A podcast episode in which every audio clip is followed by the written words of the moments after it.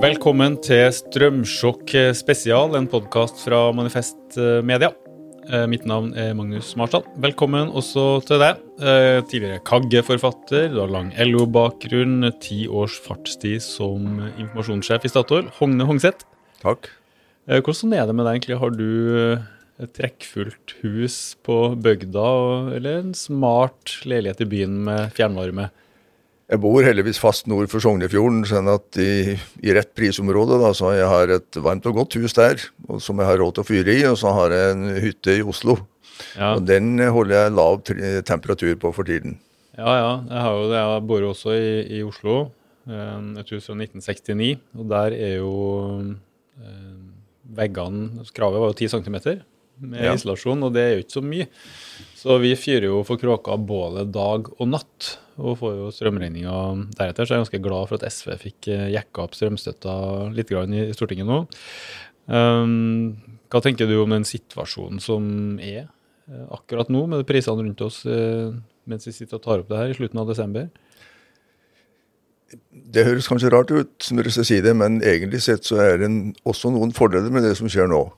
For det tror jeg er med på å vekke folk til å skjønne hva en feilslått energipolitikk kan føre til, hvis vi lar dette flyte fritt, sånn som det har gjort nå. Og så er det selvsagt særdeles tragisk for de som nå ligger i den enden av skalaen, at de virkelig blir eh, berørt av dette her. Og så Derfor så syns jeg at de tiltakene som myndighetene har kommet med, selv inkludert SVs justering, så er altfor dårlig. Ja, vi snakker om det at uh en helt ekstraordinær vinter der folk selger bikkja si, kutter ut julegaver for å få råd til strømmen i verdens rikeste land. Eh, vanlige folk rammes, eh, de fattige rammes spesielt. Eh, koronapressa bedrifter får en ny trøkk i trynet. Um, har vi sett noe lignende før? Vi har faktisk det. Så vidt én gang, og det var i 2010. Ehm, da hadde vi en kort periode i Midt-Norge hvor strømprisene var oppe i noen timer oppe i 14 kroner per kilowattime. Ehm, men det var ekstraordinært og var et, eh, var et utenomjordisk tilfelle, for å si det sånn nesten. Noen påstår at det kom av at eh, kraftselskapene i området hadde tappa ned flerårsmagasinene uforsvarlig i flere år. Men generelt sett så er dette en ny situasjon. Og det er ikke spesielt vinteren som er problemet her nå. Mm. Det, det, er ikke noen spesielle vinterproblemer i Norge som gjør dette her. Vi har mer enn nok kraft. Det er det er ikke en kraftkrise vi har, det er en mm. kraftpriskrise. Jeg, så jo, jeg så jo også i avisa nettopp at uh, det er en betydelig reallønnsnedgang for vanlige folk. Altså Reallønna er jo det du uh, har å kjøpe for opp mot de prisene som er. Mm. Og når utgiftene til boligoppvarming og sånn har økt så enormt, så er det det største reallønnsfallet siden andre verdenskrig, ifølge Marie Sneve Martinussen i Rødt i, i avisa i hvert fall. Så jeg tenker at det er ganske ekstraordinært, eh, og derfor en stor interesse for å forstå årsaker. Eh, og derfor Strømsjokk spesial på Manifest Media. Eh, men før vi går inn i årsakene til det som foregår eh, Du har jo bakgrunn fra bl.a. LO-forbundet Industri Energi, som har den kraftforedlende industrien, og derfor jobber mye med akkurat det vi snakker om i dag, og du har en ganske lang fagbakgrunn fra det her. Eh, kan du si litt om det store bildet først? Hvor mye strøm produserer den norske vannkrafta i året, og hvor mye bruker vi? Altså Har vi nok strøm? Ja da, vi har nok strøm. Og, og vi har gjennomgående i siste stortingsmeldinga fra OED i fjor, så sier, stort, sier OED at vi i et normalår nå så har vi ca. 20 TWh overskudd. TWH, 20 TWh, milliarder kilowattimer i overskudd som vi eksporterer. Olje- og energidepartementet, altså. Så, ja. så 20, 20 ja, sånne terra av hvor mye da? Ja, Kapasiteten nå, etter, etter NVEs, Vassdrags- og energidirektoratets siste oppdaterte analyse fra oktober, så har vi nå en, en vannkraftkapasitet på rundt 138 TWh. Ja, Så du kan lage det per år, da?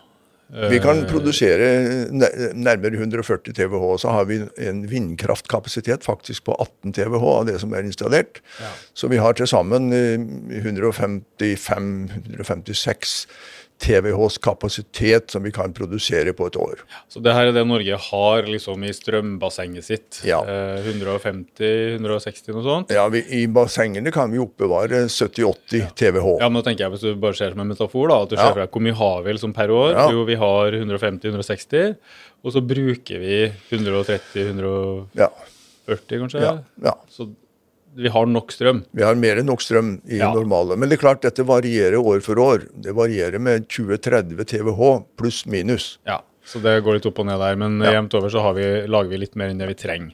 Og hvor mye koster det å produsere det her? Per, eh, det er jo sånn kilowattimer, ikke det vi teller inn på måleren? Ja, Kilowattimer det koster å produsere i norsk vannkraft, som jo all hovedsak er nedbetalt av forbrukerne. Eh, Så koster det mellom 5 og 10 øre. Ja, så rundt si ti øre, litt ja, si mindre. 10 øre, da. Ok, og så hvor mye betaler folk nå? Ja, jeg sitter og ser på skjermen her nå, så er eh, prisen eh, oppe der jeg bor, oppe på Møre, så er den eh, rundt 70 øre kilowattimen. Og i Oslo er den eh, 3 kroner og 60 øre. En- Ja. 3 kroner og 61 øre, faktisk nøyaktig. Ja, Så dette er et ekstremt eh, jeg, jeg kan ikke skjønne at nesten at det er lov å, å, å, selge, pris, selge strøm til den prisen. Prisloven tilsier jo at det skal være, ikke være ublu priser på et produkt. 30-40 ganger det vi Ja, det er- eh, koster å produsere den. Det er helt ekstremt. Og det betaler seg de samme strømkundene som har nedbetalt alle de anleggene som våre foreldre, besteforeldre gjennom strømlia i alle Ja. år har finansiert den vannkrafta, Ja. Og betaler nå sjugangeren, tigangeren, tredvegangeren Ja. produksjonskostnaden, selv om vi har nok strøm. ja. Um, skyldes det eh, Hva skyldes det? Skyldes det Du sa det ikke var en ekstrem vinter? Nei, vi har, det kan jo vanskelig være. Vi har altså eksportert i år, eh, og fortsetter å eksportere, har eksportert eh, 15-16-17 TWh Ja, uh, i år. Sånn at det kan umulig sies at vi ikke har hatt strøm nok. ja altså, vi, vi har nok, og, og, har men, nok, men likevel så er prisen veldig høy. Eh, noen sier at det skyldes det grønne skiftet. Europeiske land kutter ut kullkraft, eh, kutter ut kjernekraft. Det blir energimangel. Det er jo skyhøye priser i landene rundt oss. Mm. Er det en årsaksforklaring på at Norge også nå har ekstrempris?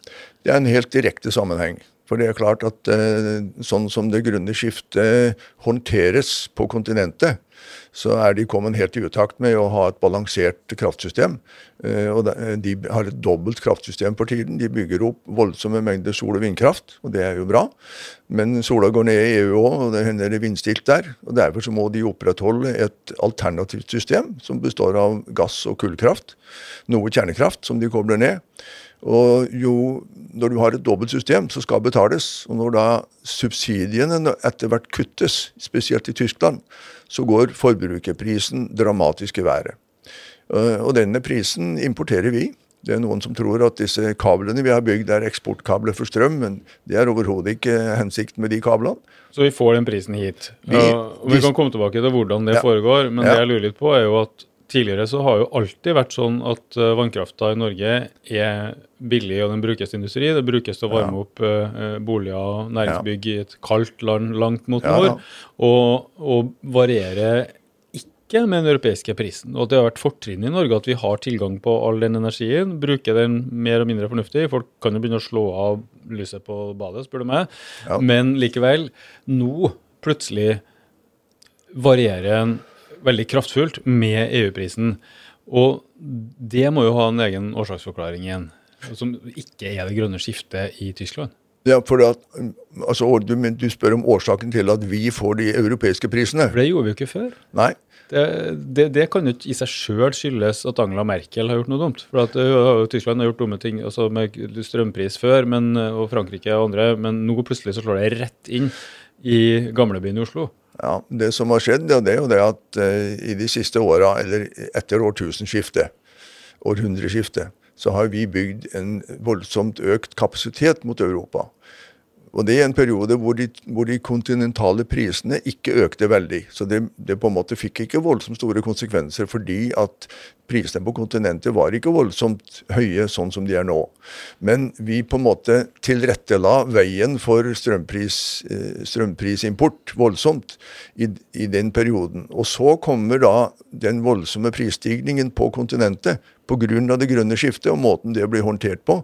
Og da lå vi åpen for å bli påvirka, fordi at vi hadde bygd så mange kabler. Før vi går enda lenger inn i årsakene til strømsjokket vi står midt oppi nå, litt om den politiske sprengkrafta i, i situasjonen. Vi har jo sjelden sett noe sånt før. Hvor alvorlig er det her, tenker du? Jeg tror det er mye mer alvorlig enn det vi ser. Det, det man nå opplever som en uh, alvorlig politisk krise knytta til strømprissjokket, det tror jeg er en relativt mild bris i forhold til det vi, vi, vi vil se hvis dette får lov å fortsette.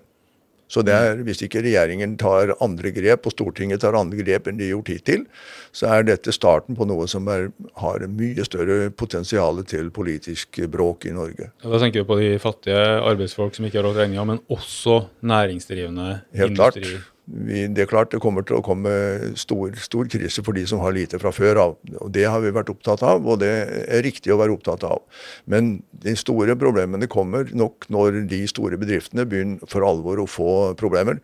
Vi ser at um, drivhusbransjen må stenge ned. En metallbedrift er allerede konkurs, med strømprisen som en av årsakene. Så, så her er vi i starten på en politisk krise. og Hvis ikke den blir håndtert på annet vis enn det vi ser nå, så vil dette, som, som jeg sier, dette er en mild bris i forhold til det som vil komme.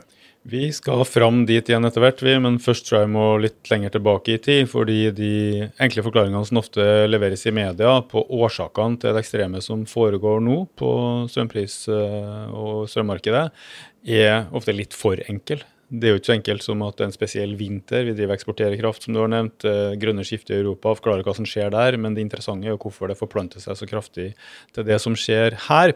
Og vi må litt tilbake i tid til det du kaller vannkraftas gründerperiode for 130 år siden, til storindustriens epoke gjennom eh, et halvt århundre etter andre verdenskrig, og fram til den nye kraftliberalismens epoke etter 1990, som har ledet oss fram til strømprissjokket og kaos vinteren 2021. Og hvis vi tar den første perioden, eh, hva skjer i vannkraftas gründertid fra 1880-tallet og fram til 1940-tallet?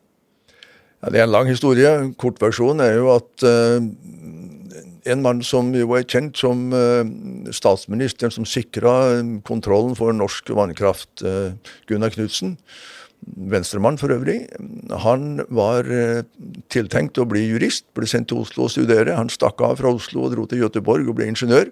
Kom tilbake til Norge og gjorde noe som ingen husker han for. Nemlig han bygde det første vannkraftverket i Norge som var kommersielt, i Laugestol bruk i Skien i 1885. Det var starten på, på vannkrafteventyret i Norge. Tidlig på forrige århundre så skjønte store kapitalinteresser verdien av vannkraften. Og sendte sine agenter opp i norske dalfører, drakk full bøndene og kjøpte opp fallrettighetene i stor skala. Det er da man hadde oppdaga at det kunne brukes til å lage strøm, yes. og dermed drive svære industrianlegg, ja. og ikke bare noen små sagbruk. Ja. Og, og bøndene hadde ikke skjønt det? Nei, de, de, solgte ut med det de trodde var en god pris, som var bagateller av det som dette var egentlig verdt.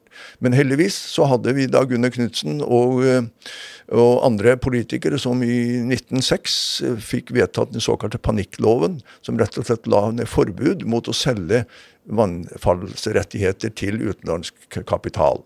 Og Så brukte de det i tre år, og i 1909 så fikk vi da konsesjonslovene med dette med hjemfallsrett, som sikra at eh, kraftverk som vi faktisk ikke hadde råd til å bygge i Norge Norge var en fattig stat på kapital. Så vi lot utlendinger bygge ut vannkrafta, men fikk en, vi fikk en hjemfallsrettsordning, slik at etter 50-75 år, og litt over historisk tid, så faller dette tilbake til den norske stat uten kostnad. Dermed så fikk vi da en, en voldsom eh, kontroll på denne vannkrafta. da. Og fram til 1940, for å gjøre et kort sprang, så, så ble dette da starten på å ut, bygge ut industri i Norge. Hydro, Elkem, de kom på begynnelsen av forrige århundre. Birkeland Eide og disse folka. De bygde industri. strøm til husholdningen var faktisk et biprodukt i denne perioden. Som, som, de måtte argumentere veldig mye for å få folk til å bruke. Folk hadde ved, de hadde kull, faktisk, som vi fyrte med mye godt. Og vi hadde oljer som vi hadde til lys. Ja, Du vokste vel opp med det, at du har fyrt med køl? og... Ja, jeg har prøvd det. Jeg så min første lyspære da jeg var sju år gammel. sånn at mm. det skal jeg ikke si hvor gammel jeg er, men, men uh, fram til, uh, fram til uh, krigen så var dette primært et resultat av industribygging. Men det var også relativt begrenset i volum mot det vi så etter krigen. Så, Norge er jo i utgangspunktet et eh, ikke veldig industrialisert land. Vi har jo hatt uh, våre primærnæringer og gruver og en del sånne ting. Men mm. her har du en energikilde ja. uh, som tvinger deg egentlig til å industrialisere nær fossen. Ja. Og som er kjempeflaks for oss ute i periferien her, for vi ligger jo ikke nær markedene eller noe sånt, men kan bygge store eksportbedrifter NTH eh, ble oppretta i Trondheim, Norges tekniske høgskole, ikke minst for å utvikle teknisk kompetanse knytta til de turbinene, vannfallet, innovasjon, som det kalles på fint i dag. Altså at man bygger industrikunnskap for neste generasjon og blir etter hvert det vi kaller et eh, i-land i stedet for å være en råvareleverandør og et u-land? Ja, helt riktig. Den, denne perioden fram til, perioden fram til siste verdenskrig, eh, den er veldig viktig for teknologiutvikling på vannkraftsida i Norge. Så selv om volumet ikke var voldsomt svært, så var den teknologiske utviklingen veldig avgjørende for det som kom til å skje videre etterpå, etter krigen. Ja, så det her er ikke bare en, en naturressurs, det er en naturressurs som driver industri, og dermed eh, høyteknologisk kunnskapsutvikling, yes. teknisk ekspertise. og bygge næringer som kan være dermed konkurransedyktig, eh, fordi de også har høy kompetanse og kan bære høy lønn, kan bære et velferdssamfunn, ja. mer enn hvis man står med rumpa i været og plukker ris eller gjør noe annet med ja. lavere eh, produktivitet. At, det, at, dette med elektrifisering av privathusholdningene kom litt senere, det illustreres ved at i 1946 så var fortsatt 600 000 eh, norske borgere uten strøm. Så det, så det, kom for alvor. Den breie elektrifisering av samfunnet starter for alvor både under, men først og fremst etter krigen. Og da har vi kommet til den neste av de tre epokene vi skal snakke om. Den første gründerfasen til vannkrafta, bygge ut industrien og sørge etter at politikere sørger for at den er under nasjonal kontroll, ikke blir en eh, råvare eller en ressurs for tysk industri f.eks. Og så etter andre verdenskrig, eh, eller fra 40-tallet og fram til 1990, er det du kaller for storindustriens eh, epoke og de store utbyggingene. Hva foregår der? Ja, du kan si Den store vannkraftutbygginga, hvis du ser på en statistikk, så er det en bulk på 40 år fra 1950 til 1990. Da bygges det ut voldsomt mye eh, vannkraft. Vi elektrifiserer husholdningene i Norge. Vi går over til elektrisk oppvarming. Og vi får en stor industriutbygging. Og så får vi også samtidig en del konflikter rundt eh, vannkraften eh, og naturverninteresser, som vi kjenner til. Og vi har disse store aksjonene rundt Mardøl og Alta. Eh, slik at den store utbyggingsperioden den slutter rundt 1990. Og de fleste tror også at hovedårsaken til det var naturvernsida. Og den var viktig. Men det skjer også andre ting rundt 1990 som vi kanskje skal komme tilbake til, som også har betydning for den videre utviklinga her. da. Men, ja. men, dette er den perioden hvor vi virkelig utvikler teknologi, som ikke minst også var verdifull for oss da det ble funnet olje, og vi hadde en industri i tillegg til en maritim industri som var skreddersydd for å på en måte gi, gi, grunnlag for at vi kunne ta styring også på oljeindustrien, hvilket andre råvarerike land sjelden har klart å gjøre. Ja, altså Da bygger vi jo bedrifter langs, særlig langs kysten, inne i fjordene og sånn. Det er ja. Sauda, Odda, Tyssedal, men også opp til Mo i Rana. Ja. Vi har nikkelverket Kristiansand. Mange som eh, lager forskjellige ting. De lager enten legeringer, de lager aluminium, de driver med silisium og alt mulig rart. Men de har til felles at det koster veldig mye strøm. Mm. Og, eller ved kunstgjødsel, eller hva kaller de det nå? De kaller det noe pent. Eh, mineralgjødsel, kaller de det. Ja. Og så videre, som alle sammen koster veldig mye strøm, og det er den viktigste grunnen til at de bedriftene er i Norge. Og utvikler sin teknologi, sin eksport, eh, sin innovasjon osv. i Norge med eh, rimelig fornybar vannkraft som fortrinn. Og Norge blir det vannkraftlandet vi kjenner i dag, med et folkeslag som ikke skrur av lyset på badet, og oppføre seg som sånn sløsatt uh, fetter Anton hele tida. sånn, bare flaks og fått all den strømmen oppi, oppi på bankkontoen nesten. Eh, og så kommer det en ny fase da, etter storindustriens epoke med energiloven av 1990, som du har beskrevet som et eh, vendepunkt i det norske kraftregimet. Og hva slags vendepunkt er det? Eh, det er et viktig vendepunkt. Eh, eh, fram til 1990 kan du si at utbygging av vannkrafta vår det gav oss vår fjerde infrastruktur. I tillegg til vei, vann og avløp, så får vi strøm som en naturlig fjerde infrastruktur. Og det ble bygd ut voldsomt fort i denne perioden, og det var til dels litt kaotisk. Det var mange eh, private initiativ, kommunale og fylkeskommunale. Staten bygde noe. Og i 1980 så, så, så man faktisk at nå var dette så blitt så mye kaotisk at man måtte få styr på det. Så satte man ned et energilovutvalg eh, i 1980 med en tidligere eh, industriminister Olav Haukvik fra Arbeiderpartiet som leder. De brukte fem år på å lage et forslag til en lov. Og så brukte regjeringen eh, fire år til før de la fram en proposisjon. Og den er interessant å legge merke til. Da, da foreslo da dette utvalget og regjeringen, Brundtland II, det er Gro Harlem Brundtland, Arbeiderpartiets regjering, ja, legger fram en proposisjon våren, og eh, forslag om ny energilov. Ja, ny, ja første gang vi, har, vi hadde ingen energilov før det. Det er første gang vi får en energilov. I 1989 ble det lagt fram en proposisjon på våren, og forslaget var at alle disse mange mange hundre kraftverka skulle samles i 20 fylkeskommunale kraftverk, eid og drevet av det offentlige, ut ifra det prinsippet man mente var fornuftig, at strøm skulle bygges ut så billig som mulig, og i takt med behovet som økte. Så det er en videreføring av det vi har holdt på med i snart 100 ja, år? Det var en måte å, å, få styr på en relativt ustrukturert utbygging som var ikke strømlinjeforma, og få mye mer kontrollert styr på det. Men hovedprinsippet var så mye strøm som vi trenger, så billig som mulig. Men så er jo det her 1980-tallet, da. Ja. Og den såkalte høyrebølgen. Um, så her skjer det jo en liten tvist twist i det plottet. Og den energiloven som kommer ut av den prosessen, er noe helt annet. Hva var det egentlig som skjedde? Det som skjedde, var at på våren 1989 så ble det hastverk i Stortinget, som det ofte er, og en del saker blir skjøvet.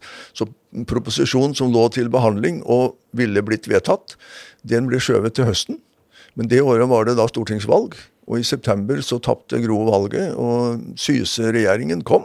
Det er Høyre-styret? Med Høyre i spissen, med også Senterpartiene, som fikk eh, olje- og energiministeren, eh, e- Eivind Reiten. Eh, og han la fram en ny proposisjon i 1990. Den regjeringen var jo ganske kortvarig. Eh, og de vet, Den nye proposisjonen skrota hele opplegget med eh, fylkeskommunale kraftverk, og liberaliserte i stedet kraftbransjen. Så jeg har pleid å si det sånn at fram til 1990 så var kraftbransjens rolle, med stort sett ingeniører i spissen, bygg kraft så mye som vi trenger, så billig som mulig. Det er kortversjonen av historien fram til 1990. Etter 1990 så fikk vi over natta en ny ordre til kraftbransjen, kraftverka. Tjen mest mulig penger. Eh, og det førte til en regimeskifte som, eh, som, vi kan diskutere videre. Men det skjer en, en dramatisk endring som eh, folk flest ikke tok, skjønte. Og onde tunger påstår at en del stortingsrepresentanter som var med på vedtok det, heller ikke skjønte hva konsekvensen ville bli. Nei, så da går vi ut av den ingeniørepoken. Den praktisk orienterte industri- og nasjonsbyggende ingeniørens epoke til kanskje en mer skrivebordsteoretisk økonomepoke. Der det er ideer om markedet. Du nevnte ordet liberalisering her. Å liberalisere kraftmarkedet. Hva betyr det egentlig i praksis? Hvilke endringer var det som kom, og hva slags tenking var det som ble styrende for den norske vannkrafta med den loven fra Høyrestyret i 1990? Det vi kan si, det er vel at dette er et første store innslaget av privatisering av offentlige tjenester som et ledd i den uh, tenkningen, nyliberalismen, som kom Thatcher, Reagan Det kom inn ved Høyre, Willoch og høyreregjeringen. Så var det mange som mener at det var mange positive ting med det, og det var det kanskje også. Vi fikk en friere medieverden, f.eks. Men vi fikk også da denne, denne, denne, liberaliseringen av kraftmarkedet som gjorde om eh, Som jeg sier at eh, før 1990 så var strøm et, eh, et, en fjerde infrastruktur. Etter 1990 så strøm, ble strøm omdefinert over natta til å bli et kommersielt produkt, på linje med pizza, poteter, biler og sydenturer og den type ting. Så det er en dramatisk endring i måten å se på strøm på. Men eh, hvordan kan vi snakke om privatisering når vi hører jo i dag også at de fleste, veldig mange kraftprosenter er offentlig eid? Det er jo staten, kommuner, ja, offentlige organer som riktig, eier og tjener de pengene her. Så er det egentlig markedsliberalisering og privatisering? Det som skjer, det ble omtalt i, i 1996, så kom det en bok ut som var et 75 års skrift over NVEs historie. Beskrevet av en historier som heter Tue. Eh, og Han skriver om eh, vannkraften i et, eh, i et, liberalisert perspektiv. Og Han forklarer nettopp dette her at det er, det er, liberaliseringen som er hovedpoenget, ikke privatiseringen. For det ble ikke privatisert. Eierskapet ble beholdt offentlig, men driftsformen ble endra fra, fra direkte styring fra politiske myndigheter over i all hovedsak over i et AS-system, hvor, hvor, kraftbransjen ble eh, kommersielle bedrifter eh, organisert som AS-er. Og Den blir da stadig mer direktørstyrt. og Personlig har jeg jo sagt at eh, det finnes nesten ingen bransje i Norge som er så direktørstyrt. Så selv om den eies av det offentlige, og så får vi den kompleksiteten i at overskudd går inn til kommuner, fylkeskommuner og staten, som gjerne vil ha mer penger. Så de er i en liten skvis. Hvor, hvor skal man legge vekten på den politiske styringen her? Vi får jo, jo, jo mer kraftprisen stiger, som kraftdirektørene legger opp til, jo mer overskudd får vi inn i kommunekassen. Så dette blir, har i realiteten utvikla seg til et ekstra skattesystem da, men da er jo tanken tydeligvis at uh, det skal bli mer effektivt, vil jeg anta. Ja. Og at uh, når vi lager om Og for all del, det ble det. Kommun, ja, kommunale ja. forvaltningsbedrifter nesten da, som, som, sitter og er en del av det lokale infrastrukturen, ikke sant? og gjør det om til aksjeselskap eller andre uh, utskilte som skal ligne på private bedrifter, som skal selge kraft i et marked. Du får nettselskapet imellom der, og, og kundene driver og velger, sånn som vi gjør nå, da, ja. blitt vant til. Eh, så var vel tanken at markedsstyring og konkurranse og maksimering av overskuddet vil gi høyere effektivitet. Og det er faktisk det som skjedde. Ja. Så la meg gjerne si at energiloven var det var ikke bare negative ting med den. Den førte nemlig til at vi fikk en eh, bedre struktur på mange ting. Vi fikk mer effektiv utbygging. Så dette kunne, eh, Og dette er positive ting. Og det, eh, de som nå sier at vi må skrote energiloven, de, de skjønner ikke stort av hva som faktisk foregår i dag. For det er mange fornuftige ting, hvordan, sånn som energimarkedet er organisert inne i Norge og gjerne i samarbeid med våre skandinaviske naboer, så er det ikke energiloven i seg selv som er problemet. Men, Nei, så, det, så det at vi fikk såkalte fristilte selskaper, aksjeselskaper annet, med mer kanskje, handlefrihet og ta søren, hva de har gjort for noe? Hvorfor har det blitt bedre struktur? Har de fått lov til å planlegge sjøl, eller ville vi kunne gjort det samme i fullstendig offentlig regi uten AS, så hvorfor ble det bedre med det, den endringa? Dette får vi aldri svar på. Fordi nemlig at den, eh, det opplegget som eh, Gros andre regjering foreslo, det ble aldri prøvd ut. Så hvordan dette kunne ha blitt i en mer offentlig styrt eh, system, det, det vet vi ikke. Men vi, vi må, i dag så bør vi se på situasjonen sånn som den er. Og da er det ikke energiloven i seg selv som er problemet, men det er at det som jeg har sagt, den er blitt misbrukt av en kraftbransje som har bygd, bygd oss inn i et internasjonalt system som vi ikke, ikke er et nødvendig resultat av energiloven. Det er et resultat av politiske beslutninger tatt med stor innflytelse fra kraftbransjen om å koble oss inn mot dette europeiske markedet, og konsekvensen ser vi nå.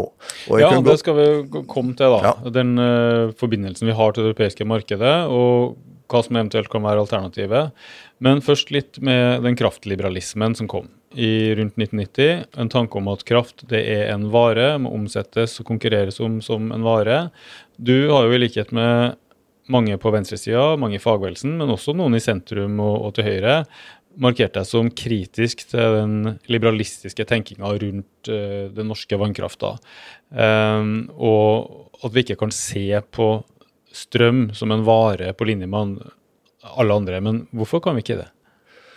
Nei, det er eh, Det er kanskje litt vanskelig å forklare. Men eh, strøm er altså en innsatsfaktor for all annen næringsvirksomhet.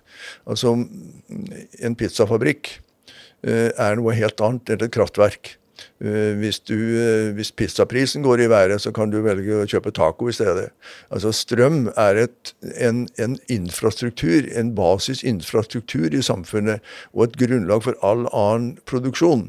Så å se på strøm som en hvilken som helst vare, det blir fullstendig feil i, min verden. Det er kanskje spesielt i Norge også, siden vi har bygd industrialiseringa vår på den vannkrafta, og dessuten har litt andre oppvarmingsutgifter enn andre, så er vi kanskje særlig sårbare for kraftliberalisme? Det er klart det. Og så er det jo også sånn at den, denne vannkrafta har altså gitt oss store konkurransefordeler i en verden. Uh, og den bør vi ta vare på. Vi har, vi har, noen andre fordeler også, men vi har mange ulemper i dette landet. Og, og, og, og ta vare på den konkurransekraften som vannkraften hadde gitt oss, det er veldig viktig. Og nå er det dessverre sånn å se at eh, politiske myndigheter, faktisk norske politiske myndigheter, systematisk bygger ned verdien av norsk vannkraft som konkurransefortrinn i verden, det er nesten uforståelig. Men hvis vi i stedet for ser det i et klimaperspektiv, da, så nå har prisen gått veldig kraftig opp, men en, en viss markant prisstigning i Norge, kan ikke det bidra til at eh, nordmenn lærer seg å spare, og at det har noen gode klimaeffekter med en eh, høyere strømpris? Jo, det er helt riktig. Eh, og det vil det, det, vil det nok føre til også. Det, det, fører nok til en brutal strømsparing i enkelte deler av samfunnet. Så vi har levd godt med å ha veldig billig strøm. Mm. Og så kan man jo si so what? Eh, på en måte. Mange land har andre fordeler enn det vi har. Det er, På Kanariøyene er det ikke bruk så fryktelig mye oppvarming. Så vi har hatt en fordel med dette her i et kaldt land langt mot nord. Mm. Det er kanskje den mest verdifulle eh, naturressursen vi har. Kraftbransjen i Norge er dessuten den eneste bransjen som Vår Herre har garantert et evig liv. Mm. Men hvis vi ser på industrien, da, vi, vi snakka litt om de her store industribedriftene som selger til verdensmarkedet, lager ja. til dels avanserte produkter, men først og fremst energiintensive. Ja. Veldig, det er veldig høy varme ofte. da. Det skal jo varme opp ting til 1800 grader og, og sånne ting ja. når du driver og holder på.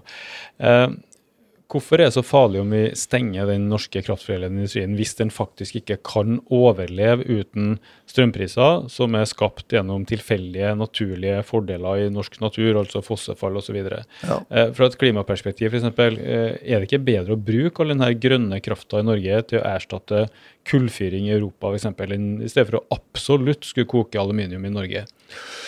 Eh, nei, det er ikke fornuftig. Eh, det er fornuftig å fortsette å gjøre det som vi gjør det. For det ene så er Norge, selv om vi syns vi er store på energi, så er vi knøttliten målt opp mot Europa. Er, selv om vi stengte ned Norge, rett og slett totalt. Sendt all strømmen til Sendt all strømmen til EU, så vil, så vil de ikke modne særlig mye i det store markedet. Og når det gjelder klima, så er det en særdeles dårlig idé å stenge ned norsk industri. For det første så er det jo sånn at hvis denne industrien langs kysten vår etter hvert får åndenød og, og blir flagga ut, eh, så vil det jo ha dramatiske følger i en lang rekke lokalsamfunn. Eh, det er det ene. Men la, la det ligge til side og tenke på klimasaken, så er det jo sånn at uh, all ny aluminiumsproduksjon de senere år er bygd opp i Kina, basert på kullkraft. Hvis uh, en norsk aluminiumsbedrift legger ned, så betyr ikke det at behovet for aluminium blir mindre. Det betyr bare at det popper opp en ny aluminiumsfabrikk et eller annet sted all etter all sannsynlighet basert på kullkraft. Og Da er det sånn at eh, aluminium produsert med kullkraft i Kina slipper ut åtte ganger så mye CO2 som aluminium eh, produsert i Norge basert på vannkraft per tonn. Så klimamessig er det en katastrofalt negativ utvikling hvis den norske metallindustrien blir flagga ut på denne måten. Men ok, sett at det likevel eh, skjer, da, at vi legger ned eh, pga. strømprisen de her eksportindustriene. Eksporterer riktignok for hundretalls milliarder i året, men kanskje det ikke er liv laga i et integrert europeisk strømmarked. Og så frykter jo vi da at eller du da, at integreringa med markedet i andre land med høyere pris gir en veldig mye høyere strømpris i Norge, som vi ser nå at det blir mer varig. Eh, men når vi sender mye mer strøm dit, vil det ikke også bli en utjevning? Altså at vår pris går jo opp, men samtidig så harmoniseres det jo litt fordi eh, den europeiske prisen går litt ned. Ja, Hvis jeg får lov å ta en liten sammenligning. da, Hvis du går hjem i dag nå da, når du kommer hjem, så lar du utgangsdøra stå åpent. La oss nå si at det er ti kuldegrader i dag. da, Det er kanskje ikke så mye, men la oss si at det er ti kuldegrader en dag. Og så holder du vanligvis 20 grader inne. Mm. Og så går du hjem i dag og så sier vi at det er 10 kuldegrader ute. Og så lar du utgangsdøra stå åpen, og så går du rundt i huset og slår av alle ovnene. Mm. Og så går du en ny runde og åpner alle vinduene, og så er det litt vindtrekk. Og så setter du deg i stua med termometer, og så foretar du en vitenskapelig vurdering av hva som skjer. Når du har satt deg Når du blander sånn, mitt hus med når du da blander, eh, slipper eh, atmosfæren inn i huset ditt, så vil temperaturen før du får satt deg i sofaen med termometer, være kommet ned til 15 grader, og den vil fortsette ned til minus 10. Mm. Og det er ganske logisk, fordi at eh, volumet på luft inne i huset ditt er, det er rått parti å konkurrere med atmosfæren når det gjelder temperatur. I, i strømmarkedet skjer akkurat det samme. Altså når vi, når vi åpner oss mot Europa, så er vi altså et, eh, en strømprodusent på la oss si 150 TWh. da. Mm. Hvor stort er samla markedet? Ja, det, det, strømmarkedet i EU er ca. 3500 TWh. Og energimarkedet i EU er nærmere 20 000 TWh mot våre 150. Ja, Så det blir som å åpne alle luka i hytta på vidda? da, at du ser ja. Og, og da du, blir det minus 10 inni der? Når du har, eh, når har åpna alle vinduene dine, så har du fortsatt akkurat like mye luft inni huset ditt. Men den lufta er blitt påvirka av temperaturen ute til å gå ned til minus 10. Når vi åpner vinduene mot Europa, kabel for kabel, så åpner vi for en økonomisk mekanisme som fungerer akkurat på samme måten. Men da er spørsmålet, går ikke også prisen i Europa litt ned? Den, Selv om den går opp i Norge? du kan jo tenke deg spørsmålet når jeg, når jeg, sier til deg at når du har sittet i stua di og sett på termometer, og når temperaturen er kommet til minus 10, så kan jeg spørre deg tror du temperaturen har økt mye ute? Nei, det er kanskje, kanskje ikke så mye. Det er kanskje ikke det samme forholdet, men, men, det er nesten umulig å se for seg at eh, et eh, energimarked i Europa skal bli påvirka særlig. Det er sånn at vi er en mygg når det gjelder størrelse mot Europa. Så når vi, eh, når vi bygger kabler, så blir det ikke mer strøm å eksportere fordi om vi bygger en ny kabel. Ingen kabel produserer strøm. Så disse kablene fører bare til at vi åpner stadig vekk nye vinduer mot Europa. Og når det skjer, så kan kraftbransjen si til deg og meg at hvis du vil, fortsatt vil ha strøm, ja, så må du betale den såkalt alternative prisen. Vi kan sende strømmen nå til Tyskland eller til England, og da må du betale den prisen for å få den strømmen du trenger. Og det gjør okay, vi. Så det er det som skjer. Altså, blitt, eh, nå, nå har jeg jo sett for meg kanskje at vi eksporterer altfor mye da, for at vi har så mye utviklingskapasitet. fordi etter 1990 så er det jo bygd ut den ene kabelen etter den andre. har blitt større og større båndbredde, kan du kalle det. Så større og større mm. Flaskehalsen har blitt videre og videre. da, Så muligheten for å flytte strøm over til andre land har blitt uh, omfattende. Det ja. ligner liksom det på at du åpner alle, husene, alle vinduene i, i huset ja. ditt og får utveksling med omgivelsene. Men så sier jo du at Eh, det ikke er den eksporten, egentlig, men at du kaller det for prisimport. Hvordan fungerer egentlig den mekanismen? At vi ikke eksporterer så mye strøm, men importerer veldig mye pris? Nå sier man at eh, den nye kabelen til England den blir i alle hovedsakene eksportkabel. Og det er riktig. Men det betyr ikke at den norske eksporten av strøm øker. Det betyr bare ganske enkelt at den kabelen som går til det høyeste prismarkedet, suger til seg det overskuddet vi har. Så dette betyr at blir mindre eksport via andre kabler, som da får dårligere lønnsomhet for så vidt. For det blir ikke mer strøm å eksportere om vi bygger en ny kabel. Men hvis jeg er Kraft eh, AS, da, så har jeg en svær demning med masse vannkraft som jeg kan kjøre i turbinene mine og lage strøm. Ja. Um, og så får jeg, så jeg får uh, 20 øre for den i Norge, da, og så får jeg to kroner for den i, i Storbritannia. Så det er ti ganger så ja. lønnsomt. Uh, hvordan ser det ut for meg da? Da har jeg vel et valg, da, om jeg skal kjøre denne strømmen i dag og seile den til Norge, eller i morgen og seile den til Storbritannia. For jeg tenker det er jo et, det er jo et uh, vannbasseng her Ja. som jeg kan bruke akkurat når jeg vil, og seile den til hvem jeg vil. Ja. Eh, og så vil Ola Dunk ha strøm, og Norsk Industri ha strøm. ja. Men hvordan klarer du å klemme ut den engelske prisen av dem når de faktisk er i Norge? Ja, det er så enkelt som at eh, hvis du står eh, hva skal vi si da, hvis du står på, eh, nede på gata og noen selger pølser, og du har lyst på ei pølse, og så vil du betale ei krone for den, Ja. og så står det en annen mann ved siden av og sier nei, men jeg betaler ti kroner. Hva gjør pølsehandleren da? Ja, Han han kommer til å betale ti kroner i morgen og dagen etter og dagen etter òg. Ja, Så han kan bare fortsette å Ja, så Poenget er at uh, disse kablene som nå er bygd, de er ikke eksportkabler for strøm, de er importkabler for høyere strømpris. Og Det er de også ment å være, og det er helt logisk at kraftbransjen ønsker dette. Altså Det er en slags børs, da. At noen Ja, ja. byr, og de byr kanskje også i morgen, en høyere pris. Og, og da får ikke jeg tatt den strømmen til mitt hus, da, hvis ikke jeg byr det samme, på en måte. Nei, Hvis at du var kraftverksdirektør, Mm. og du har én kunde som vil betale én krone, og én kunde som vil betale to kroner, hvem selger du til da?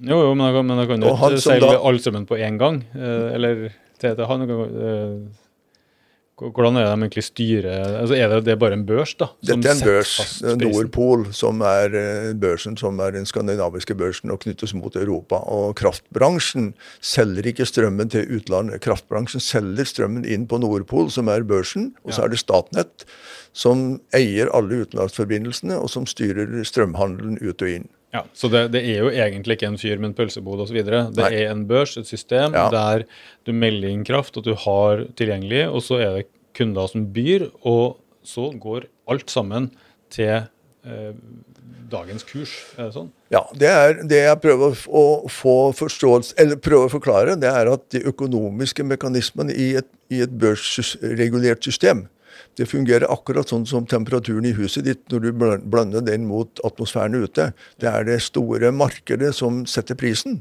Ja, Så da kommer egentlig hele den europeiske etterspørselen inn i Nordpol og setter prisen Sett der. prisen i Norge. Og da blir den overført på norske husstander, og da er det x kroner.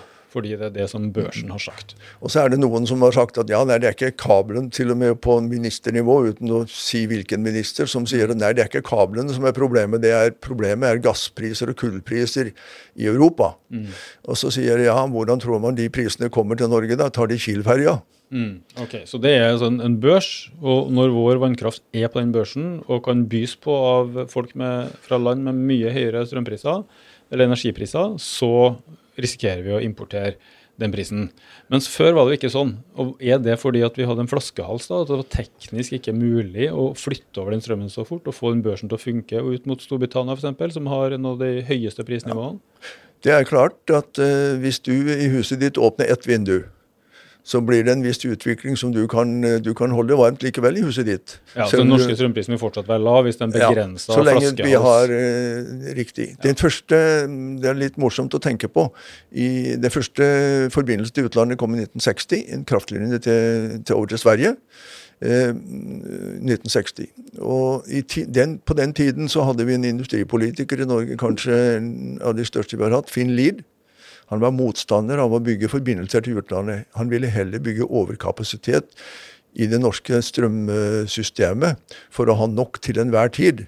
Rett og slett fordi at han forutså akkurat hva som kom til å skje, og sa følgende Vi selger strøm og importerer høyere strømpris. Det sa han allerede på 70-tallet, og han har dessverre fått beklagelig rett, i de, spesielt i de senere år. Fordi at det er nettopp etter etter at energiloven kom, at vi for alvor fikk drive til å bygge kabler for å få prisen opp.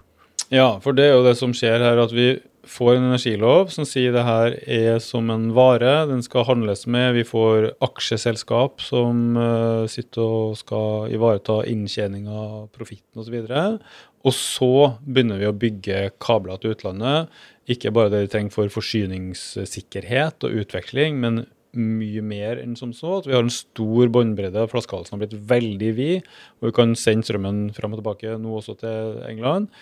Eh, og hva blir konsekvensene eh, av den utviklinga? Det har vi snakka litt om, men hvem er det som driver det fram? Og hvorfor i alle dager har Norge valgt å eh, ja, egentlig bygge vekk forutsetningene for vårt viktigste varige økonomiske fortrinn? Hva er det som har drevet den prosessen? Ja, det, det, er en interessant diskusjon.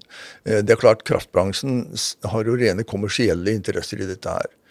Og på den politiske arenaen så er jo dette en del av integreringen mot EU.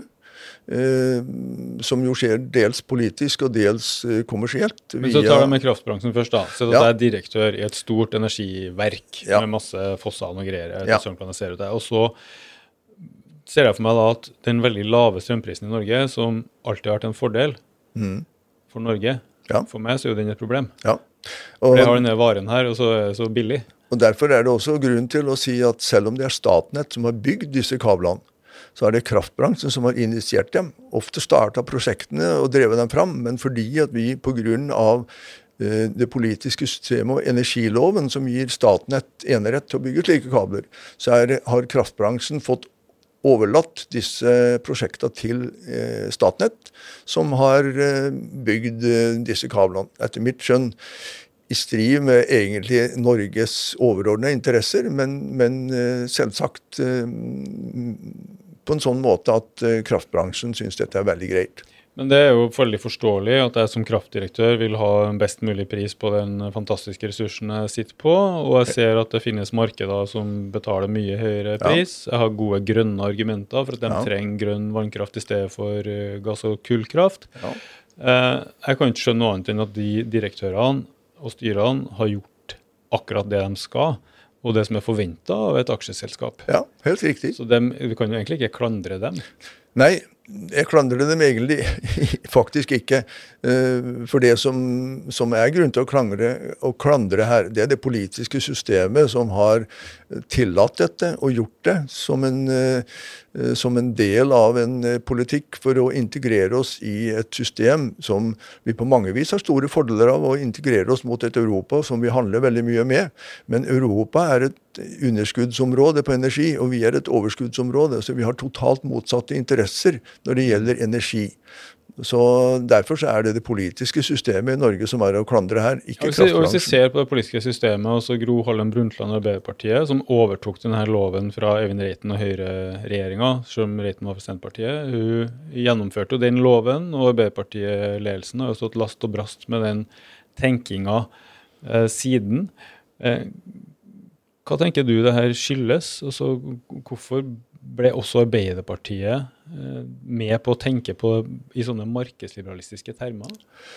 Jeg skal ikke gi meg inn på veldig eh, tunge filosofiske betraktninger på det, da, men, men, det er jo de som mener at rundt 1990 så var denne nyliberalismen som eh, politisk bølge nådd Norge. Og den var kommet nådd langt inn i Arbeiderpartiet også på denne tida. Så, og det må nesten være det som forklarer at når Gro Harlems andre regjering la fram et forslag i 1989 og 1.1.1991 så ble denne loven gjennomført etter Reitens uh, Da var Reiten ute, og Gro Harlem Brundtlands tredje regjering kom inn i jeg tror det var i november i 1990. Og Gro Harlem Brundtlands tredje regjering kunne selvsagt tatt fram proposisjon fra 1989 og gjennomført loven slik den var utreda. Men det gjorde ikke denne regjeringen. Den, vet, den tok eh, den nye loven og gjennomførte den eh, etter de prinsipper som da var lagt inn. Og, og, det kan vanskelig forklares på annet vis enn at det også i Arbeiderpartiet var, var sterke krefter som ønska nettopp denne typen utvikling. Ja, Det er en slags overtro på markedet av og til. altså Et område ja. der jeg tenker det er litt malplassert fordi strøm er en sånn uh, infrastruktur, som du kaller det, en forutsetning for moderne norsk sivilisasjon, egentlig, ja. og derfor ikke bør tenkes på som en vanlig vare. Men, men er det ikke også en overtro på EU her? Også, det her handler jo om EU-medlemskapet som begynte å seile opp på starten av 90-tallet som en visjon for Gro og hennes uh, del av B-partiledelsen. Og ideen om integrering i et europeisk marked, ikke bare som et økonomisk tiltak, men også som kanskje krigsforebyggende, som er veldig viktig for den forrige Arbeiderpartilederen, Reulf Steen, var jo et sterk EU-tilhenger pga. at han eh, huska andre verdenskrig osv. Og, så videre, og det var en veldig sterk uh, falang da, som hadde sterke europeiske drømmer, i, også i, i Arbeiderpartiet. Tror du at det har spilt inn på den viljen til å integrere den norske vannkrafta i et europeisk system? Ja, jeg kan jo bare si at jeg er gammel nok til å ha stemmerett i 72 og stemte for ja til EU. Jeg stemte ja i 1994 også, mm. nettopp ut ifra samme begrunnelse som Reulf Steen. Mm, jeg har hatt et langt liv i Arbeiderpartiet. Jeg er partiløs for tiden. Men, eh, men eh, dette med at EU var et, eh, i utgangspunktet et prosjekt som mange av oss som levde både under krigen, selv om vi ikke huska så veldig mye av det, men, men i etterkrigstida var veldig opptatt av. Og Så har da EU utvikla seg på en sånn måte at jeg per i dag eh, ser at Norge eh, det er for kostbart for Norge å integrere seg mot EU. Nettopp pga. dette med eller først og fremst pga. dette med energi, som er så avgjørende som en, som en, et, for bærekraft i Norge, for det norske samfunnet. Så hører vi mye om konsekvensene da, av strømprissjokket for folk som ikke har råd til de her ekstreme strømregningene. Eh, men hva på litt lengre sikt med den kraftforedlende industrien? Eh, du nevnte at det var en metallvirksomhet som hadde gått konk nå, delvis pga. strømprisen, men de har jo såkalt langsiktige kontrakter. De har en lavere pris bundet i kontrakten for en tid framover. Eh, men hva skjer rundt neste sving der? Ja, Det er helt åpenbart. Det som skjedde tidligere, så var det sånn at vi hadde såkalt myndighetsbestemte kraftkontrakter. Eh, det ble da ikke tillatt lenger. Etter at vi fikk EØS-avtalen, så, så, måtte vi avvikle dette her. Slik at Eh, kraftintensiv industri forhandler strøm i et marked i dag, helt åpent. Eh, men de har markedsmakt, større markedsmakt. Eh, har, Hydro har større markedsmakt enn du har og jeg har ja, som privatkunder. Kunde kan... Det er så store kunder. De forhandler langsiktige kontrakter. Men de, de forhandler langsiktige kontrakter i det markedet som er, og som man tror på eh, framover. Og det, betyr, det, er klart at eh, de langsiktige kontraktene som de nå har, i variabel tid framover, når de skal reforhandles, så vil de bli å reforhandle ut ifra hvordan markedet utvikler seg. Og, så det er helt klart at uh, de som har kontrakter som går ut med det ganske fort, de kommer fort til å få problemer. Og så er det også det å si at Ja, Problemer, hva snakker vi om nå? Så det her er jo ofte utenlandske eiere. Vi kjenner dem til å legge ned i Norge? Ja, så det er nokså åpenbart. Uh, men før jeg kommenterer det, bare si at også i dag så kjøpes mye strøm på spotmarkedet i de store bedriftene. Også. De har en balanse, kanskje to tredjeparter eh, på langtidskontrakt, og så har de en tredjepart på, på spot, som de av og til kjenner på, og av og til koster litt ekstra. Ja, det er allerede hundretalls millioner, kanskje milliarder i ekstraregning ja. ute i industrien? Absolutt. Det er og, helt klart. Men kroken på døra da, rundt neste sving hvis ja, vi ikke får det som, det som er et nøkkeltall som kan være interessant her, det er jo det at uh, disse bedriftene er AS-er, dermed har de åpne regnskaper. Og det går an å inn og se at uh, hvis da prosessindustrien, uten at vi kjenner hvilken pris de betaler nå, mm. men hvis den prisen de betaler i dag stiger med ti øre, så forsvinner hele bunnlinjen i denne, denne prosessindustrien. Ja, overskuddet er bort med 10 økning, og med 15 øres økning så Så er det store underskudd. Det betyr at de som eier denne industrien, og det er veldig i stor grad utenlandske kapitalinteresser, de er i Norge av to-tre årsaker. Det er et politisk stabilt land. Vi har en høyt kvalifisert arbeidsstokk, og vi har lave kraftpriser. Dette til sammen gjør at det er lønnsomt for internasjonal kapital å ha slike bedrifter i Norge. Og det her er jo ikke en hvilken som helst næring i det grønne skiftet, tenker jeg, fordi vår viktigste næring, olje- og gassindustrien, går ut på dato, eh, og kanskje raskere enn mange har håpa pga. klimakrisa. Og vi skal jo ha økonomiske bein å gå på etter det der.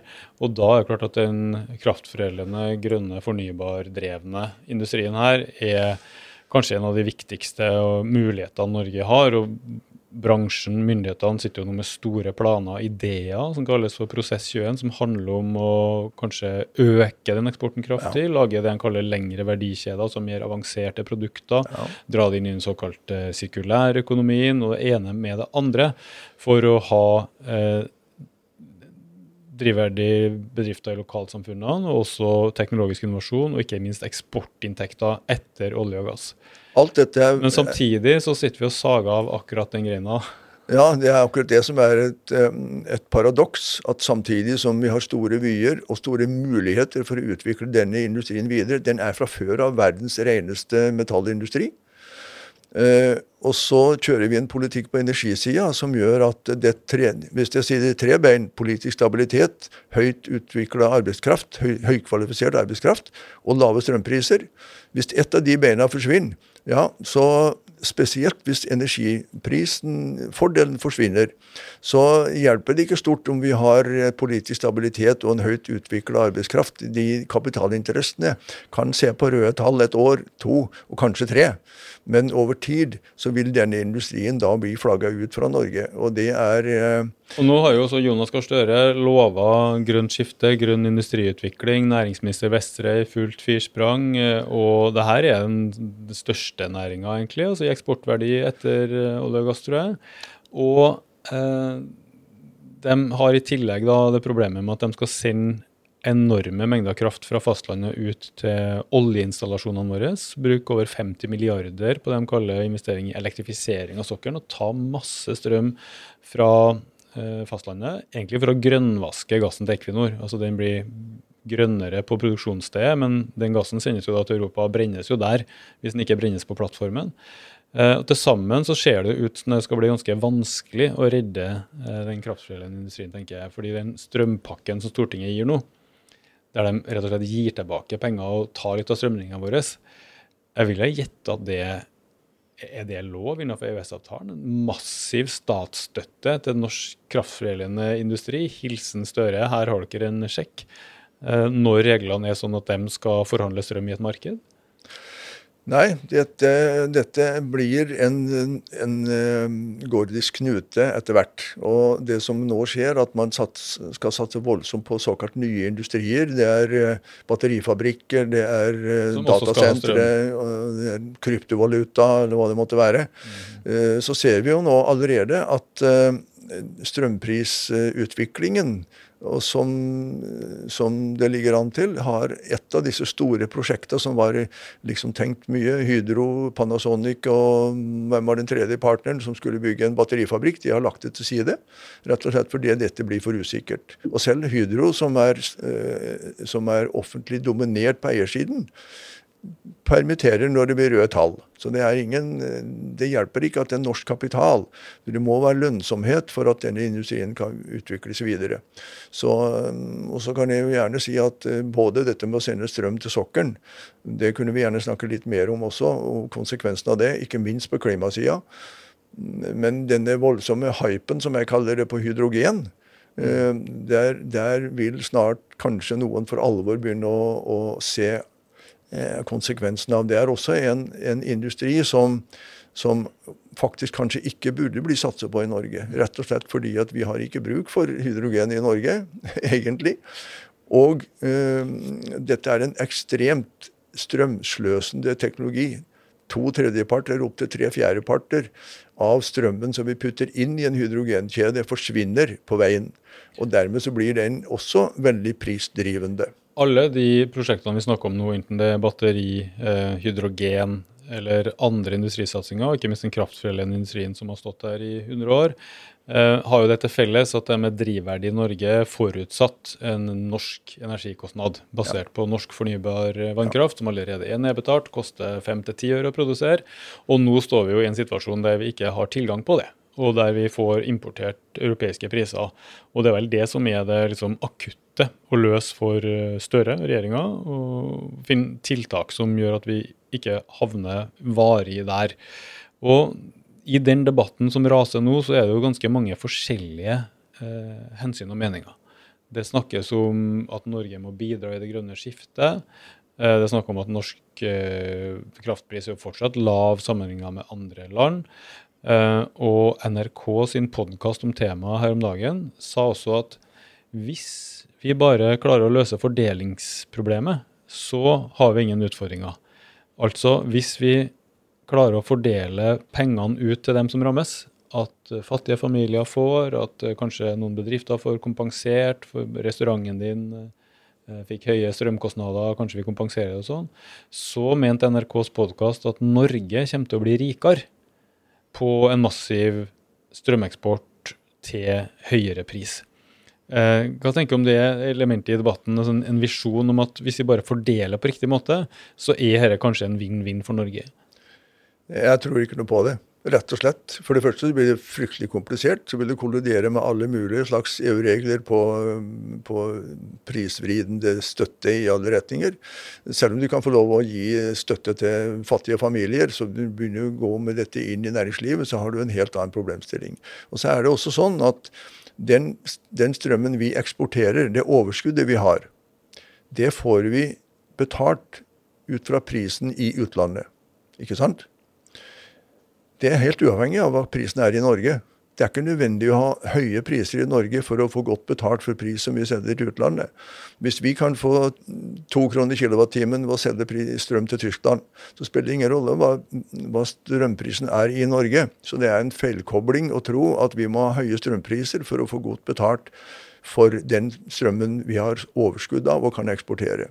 Men hvis da den høye strømprisen i Norge, som eh, NRK ønska at vi skulle omfordele gevinsten av, eh, gjør at vi slår ut en kraftforedlende industri som eksporterer for hundretalls milliarder i året, eh, så virker det for meg veldig krevende å få det her til å gå i pluss samfunnsøkonomisk. Det er jo også sysselsetting, ringvirkninger, bosetting, skatteinntekter. Veldig mye knytta til de disse bedriftene. Ja, jeg tror, det, jeg tror, det, er en helt håpløs uh, tenkning som ligger bak det der. Fordi at uh, strømprisen er så grunnleggende for uh, kostnadsbildet i spesielt den kraftintensive industrien. Men vi skal også huske på at dette slår ut i alt næringsliv. Det slår også ut i offentlig sektor, f.eks. Når eh, alle offentlige bygg har strømkostnader, skal vi begynne å subsidiere kommunene for å få høye strømutgifter, så, mm. så blir dette veldig rart å tenke seg. Så, så eh, her, her, lager vi oss et, eventuelt et byråkratisk system som er nesten uhåndterlig i stedet for å rydde opp det som er håndterlig, og det å sørge for at norske strømpriser blir liggende på et lavere nivå. Og da må vi ha kontroll over koblingen mot utlandet.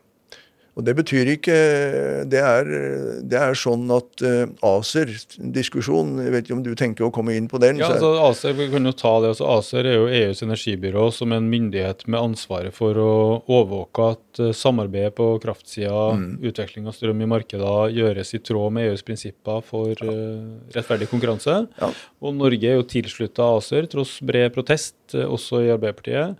Og noen har jo nå påstått at den høye strømprisen i Norge skyldes ACER. For meg virker det veldig usannsynlig. De har jo ikke bygd en eneste kabel, det har jo vi gjort sjøl.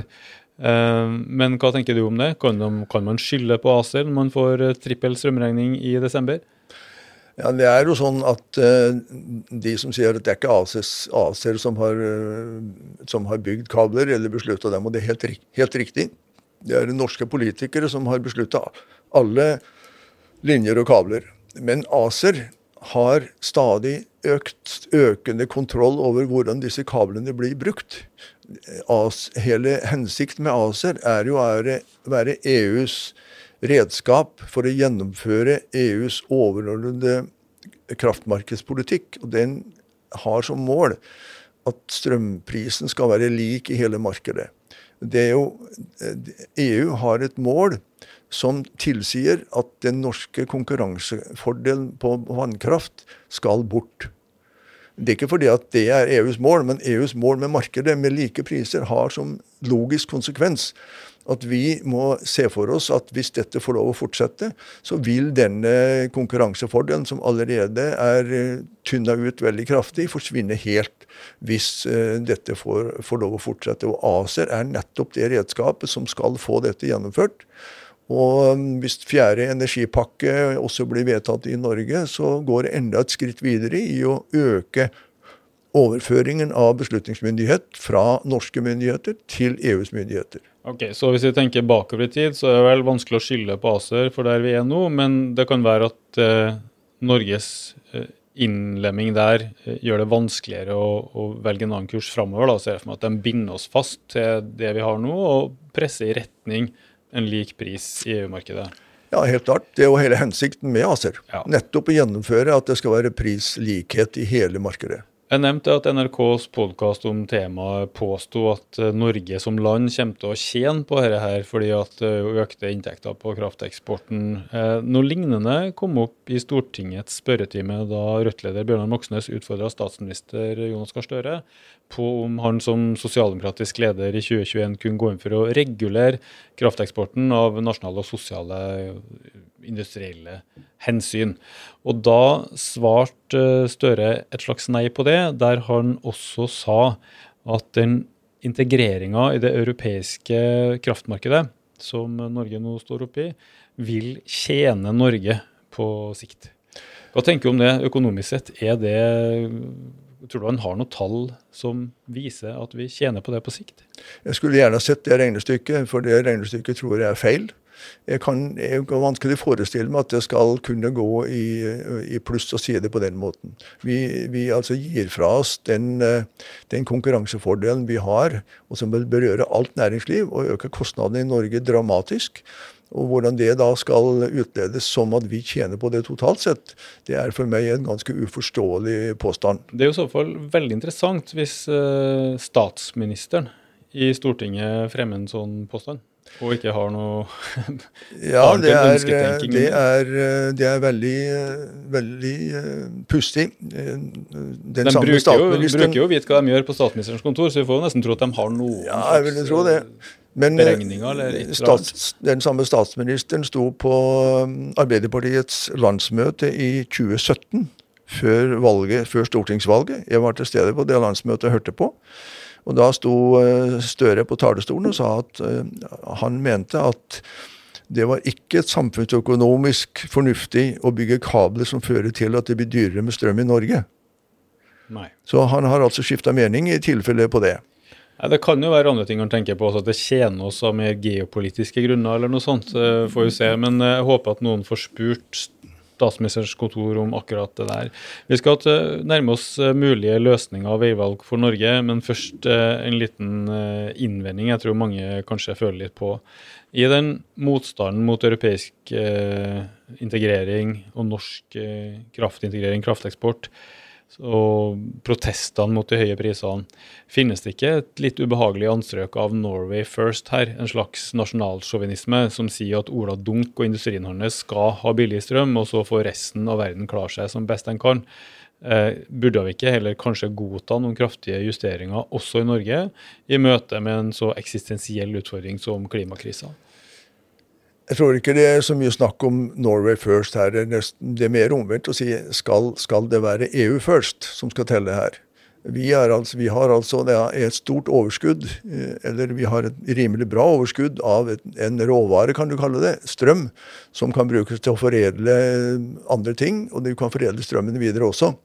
EU, eh, e som eh, innehar for, som eksempel de tre landene Storbritannia Ikke Storbritannia lenger, da, men Europa, da, mm. har en lang tradisjon for å utnytte andre lands råvarer. I England, Tyskland og Frankrike okkuperte okkuperte mer og mindre Afrika og neda forbud mot at i afrikanske land skulle det være tillatt å foredle sine egne råvarer. De skulle flyttes som råvarer til europeiske fabrikker, og verdiskapingen skulle skje der.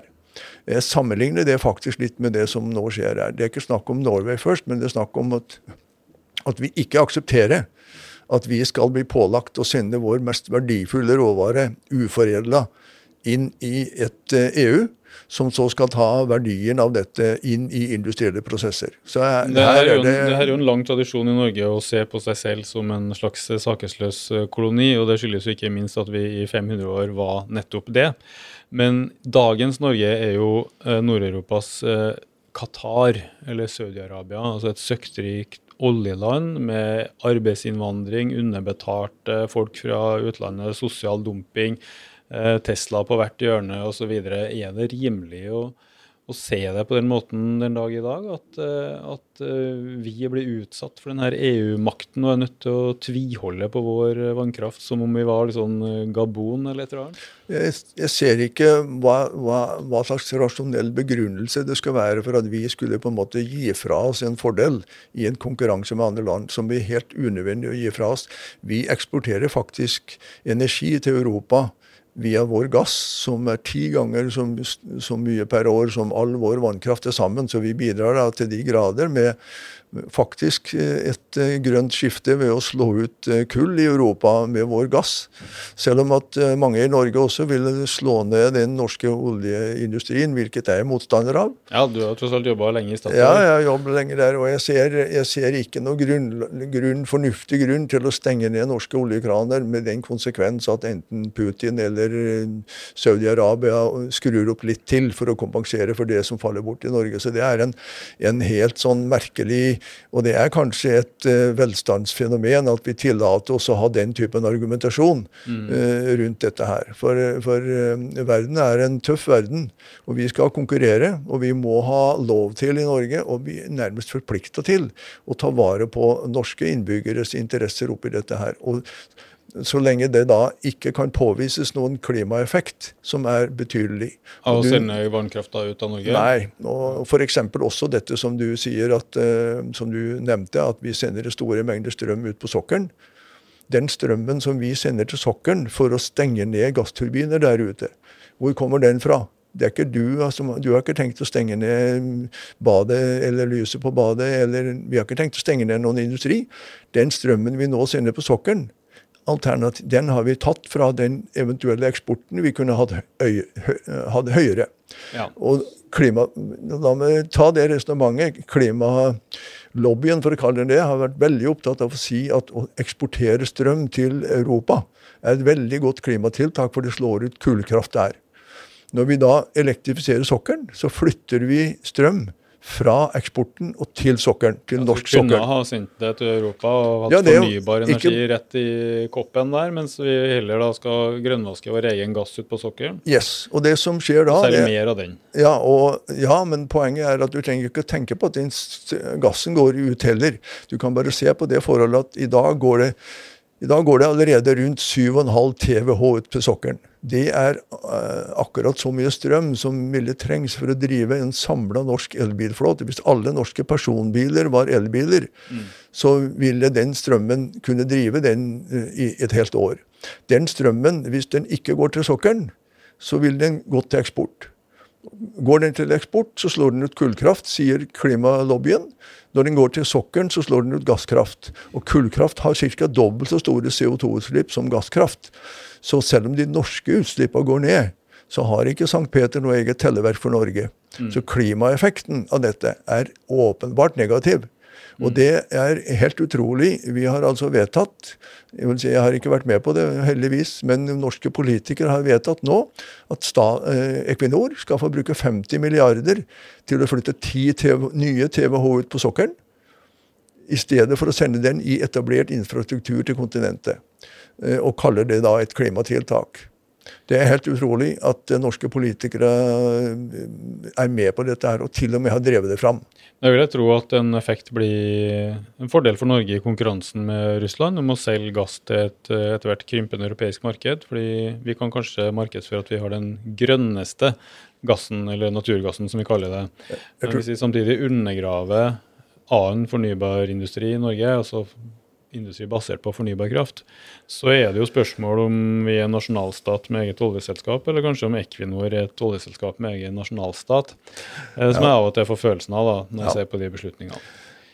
Bare si det at den, den eh, norsk gass som eksporteres, norske oljeprodukter og gassprodukter som eksporteres, er av de mest reneste i verden, og vil være det uansett. Ja, det er jo sant nok. Um, vi må over på mulige løsninger, ved valg for Norge. Uh, Utenlandskablene ligger der.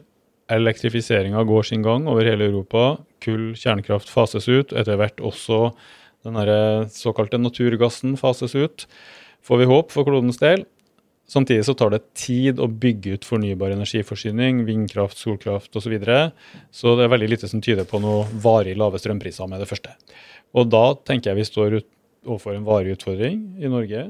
Eh, det rammer en bærebjelke i norsk moderne sivilisasjon fordi vi får strømpriser som mange her rett og slett ikke kan leve med, og som gjør at du får en enorm samfunnsendring, industrisamfunn osv.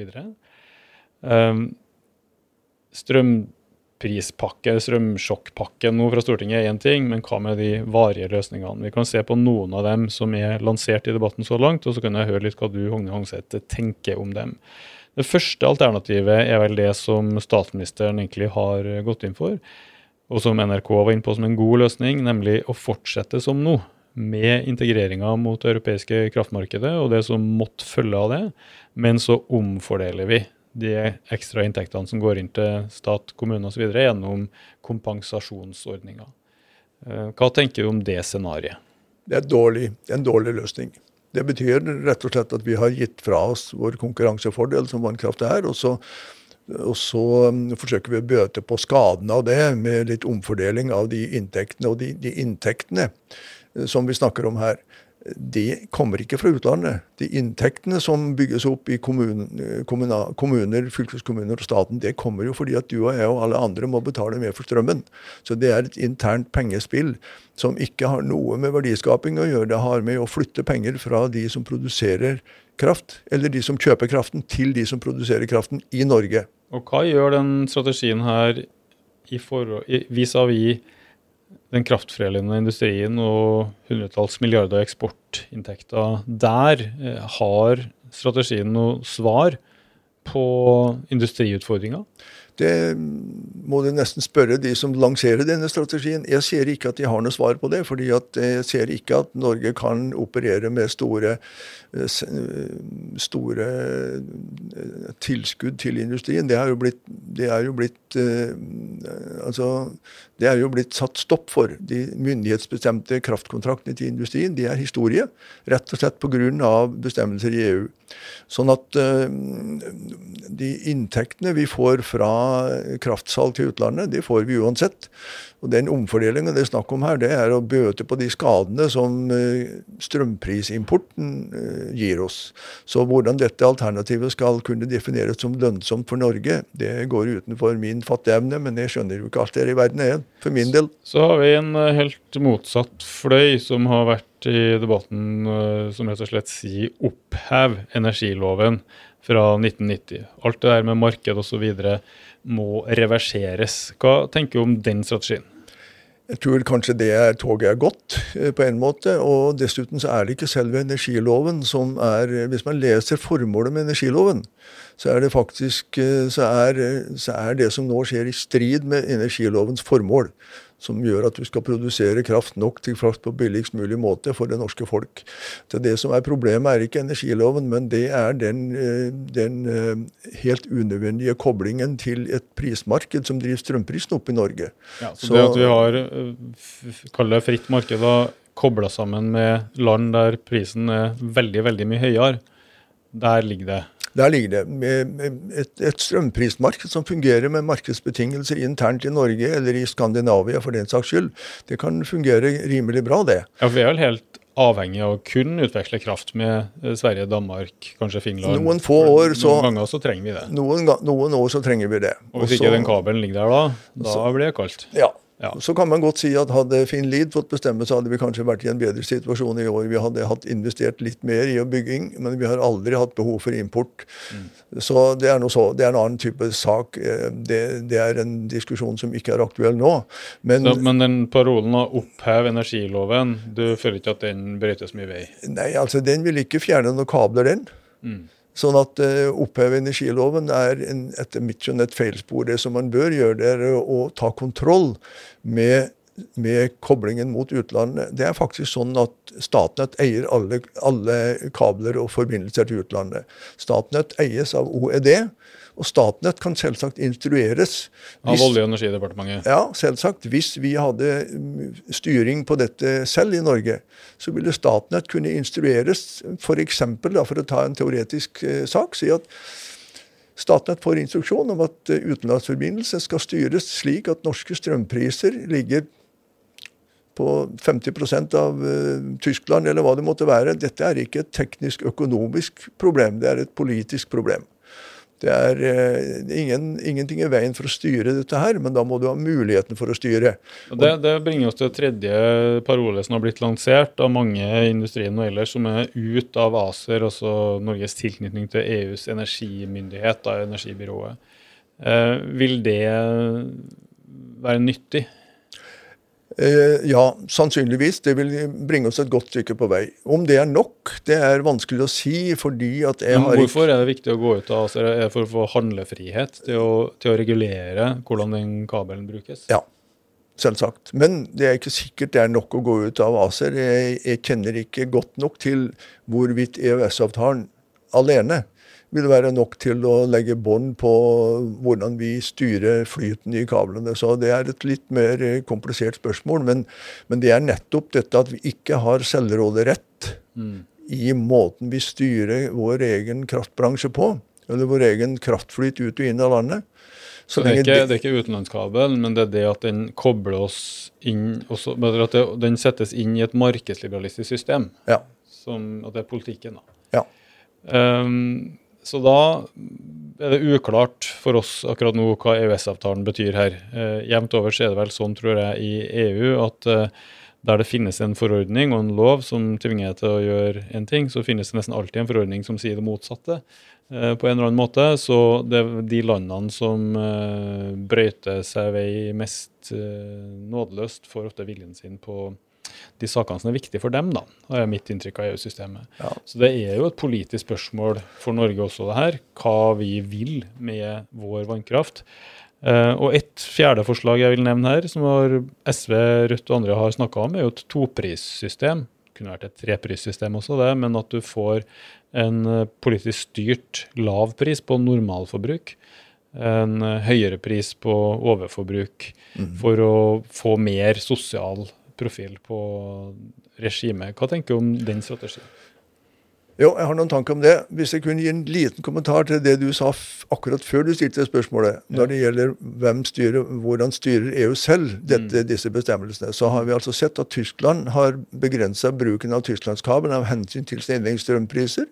Sverige har begrensa eksporten til Norge av sine egne forsyningshensikter, forsyningssikkerhet.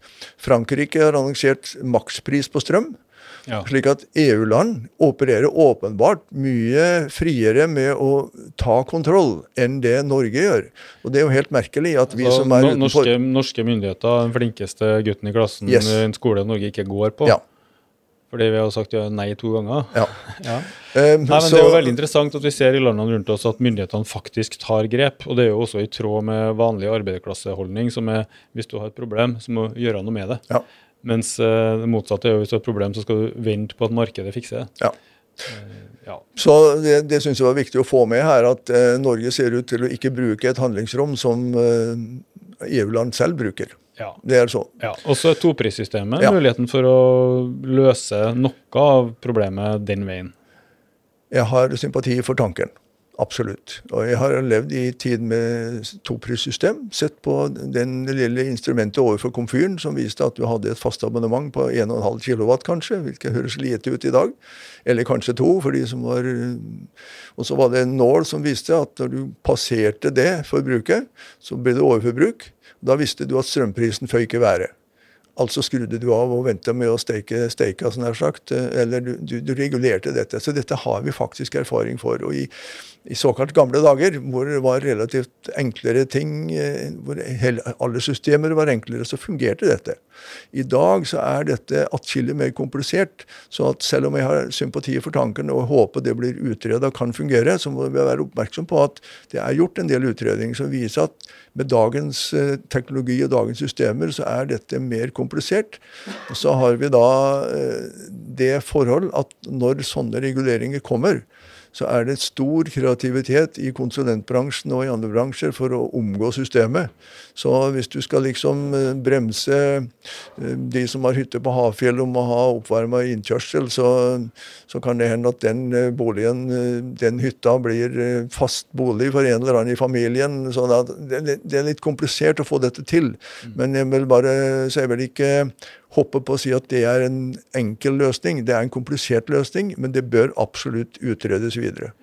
Vi nærmer oss eh, slutten her, og hvis vi skal prøve å oppsummere litt, så har vi en fysisk infrastruktur med utvekslingskapasitet i utlandet som gjør at eh, i et børssystem og et markedsliberalistisk system så blir den norske strømprisen nå satt utenfra.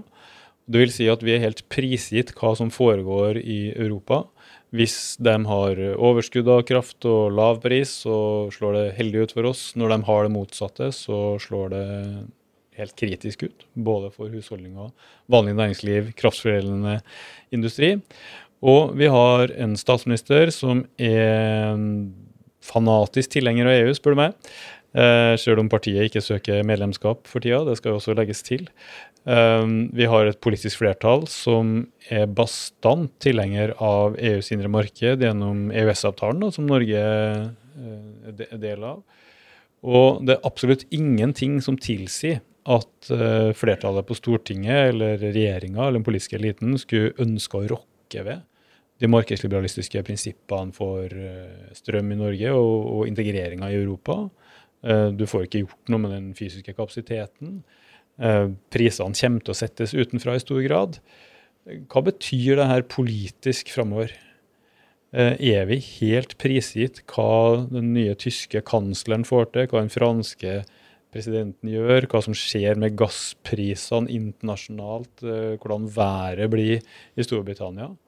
Er vi, driver vi som en sånn kork på markedets opprørte hav, eller finnes det nå en politisk handlingsmulighet i Norge eh, som du kan se innenfor de spillereglene som er her, med EØS osv.? Ja, dette er et stort og komplisert spørsmål, men, men eh, prøv å gi en kort kommentar til det. Så, så er det jo nokså pessimistiske vyer du, du, drar opp, og, og, det er godt mulig vi er stuck. At vi er passert point of no return. Men det er altså da en gryende opposisjon på mange vis, fordi at disse strømprisene som nå skyller innover oss som en slags, um, som en slags tsunami, eller som en slags um, virus, kan vi jo gjerne kalle det, så, har jo, så, har vi jo, sett at uh, vi, når det kommer covid-19, så er det faktisk helsevesenet. Så det første de gjør, det er å forsøke å bremse importen. Eh, kanskje skulle vi overlatt eh, energipolitikken til helsevesenet. For de ville sannsynligvis eh, det første de gjorde, prøve å stanse smitten, prissmitten som kommer inn i landet. Men litt mer seriøst så tror jeg nå at det bygges opp politisk motstand fra grunnplanet på flere områder. Fordi at disse strømprisene som fyker været, de har minst tre stygge utslag. De treffer eh, privatøkonomien til folk som spesielt ligger dårlig an fra før, verst. Det fører til at industrien vår tung industri kan vi flagge ut. Og samtidig åpne det for en ting som vi ikke har nevnt og ikke skal bruke tid på, men det åpner for mer naturraserende vindkraft på land i Norge, som heller ikke er noen god løsning. For den blir også lønnsom med de prisene som vi importerer? Ja, ja det blir mer lønnsom iallfall. Mindre ulønnsom, for å si det sånn. Den subsidieres egentlig både direkte og indirekte på mange mm. vis. Men, men det er tre ting som gir opphav til opposisjon, ja. tenker du? Og her kommer det opposisjon i alle retninger. Jeg, er også medlem i eh, er rådgiver, som det heter, i Motvind Norge. Jeg sitter også som styremedlem i Industriaksjon og ser og vet at det å bygges opp eh, politisk kampanjelignende mm, aksjoner som kommer utover vinteren. For dette er noe som, eh, som jeg tror folk flest Før eller siden så får vi et, et et opprør som er gryende allerede. Så jeg er i, den forstand optimist, og tror at når dette for alvor går opp for folk, at vi er i ferd med å gi fra oss styring av helt grunnleggende verdier for det norske samfunnet, så vil det bli vanskelig for eh, et eh, establishment å holde på denne, denne linjen når det gjelder energipolitikk. Ja, En mulig oppsummering da er jo kanskje at uh, hvor det politiske handlingsalternativet ligger, og hva som er mulig, at det spørsmålet ikke bør stilles opp mot statsminister Støre og hans regjering, men egentlig ut mot eh, grasrota og fagorganisasjonene, de andre organisasjonene som er engasjert på feltet, og at de er nødt til å la sin stemme høres i en situasjon som eh, bare ikke kan fortsette som nå. Og når det må finnes en utvei, så er det jo viktig at det ikke er bare EU og deres jurister, og byråkrater osv. som eh, liksom dikterer for den norske regjeringa eh, hva som er mulig og ikke, men også den norske befolkninga på andre sida. som uh, sier litt fra hvor skoen trykker. Og akkurat nå tenker jeg at vi er i den situasjonen. At uh, folk skjønner at det her er krise, at noe må gjøres. Men det er veldig uavklart hvem som tar initiativet, ja. og, og, hvor den varige strategien, altså en utvei, kan eh, ligge hen? Det, det, det, tror jeg du har helt rett i. og bare legger til at uh, Som et eksempel så hadde vi altså en situasjon for nærmere tre år siden, i 2019, hvor folket reiste seg og satte stopp for uh, vind, videre vindkraftutbygging. Eller iallfall en midlertidig stopp. Og nå er vi i ferd med å få en, et opprør tror jeg, på grasrotplan som kan komme til å endre norsk energipolitikk. Men det, det kan være en håp fra min side. Men jeg tror faktisk at denne vinteren framover vil bli ganske avgjørende for om vi får en skikkelig, eh, et skikkelig grasrotopprør som vil eh, ryste establishment eh, tilstrekkelig til at vi får en, en, seriøs gjennomgang av politikken. Så kan det legges til at regjeringen da i sin, i sin Hurdalsplattform har sagt, og de har gjentatt det nå, at de skal oppnevne en energikommisjon over nyttår.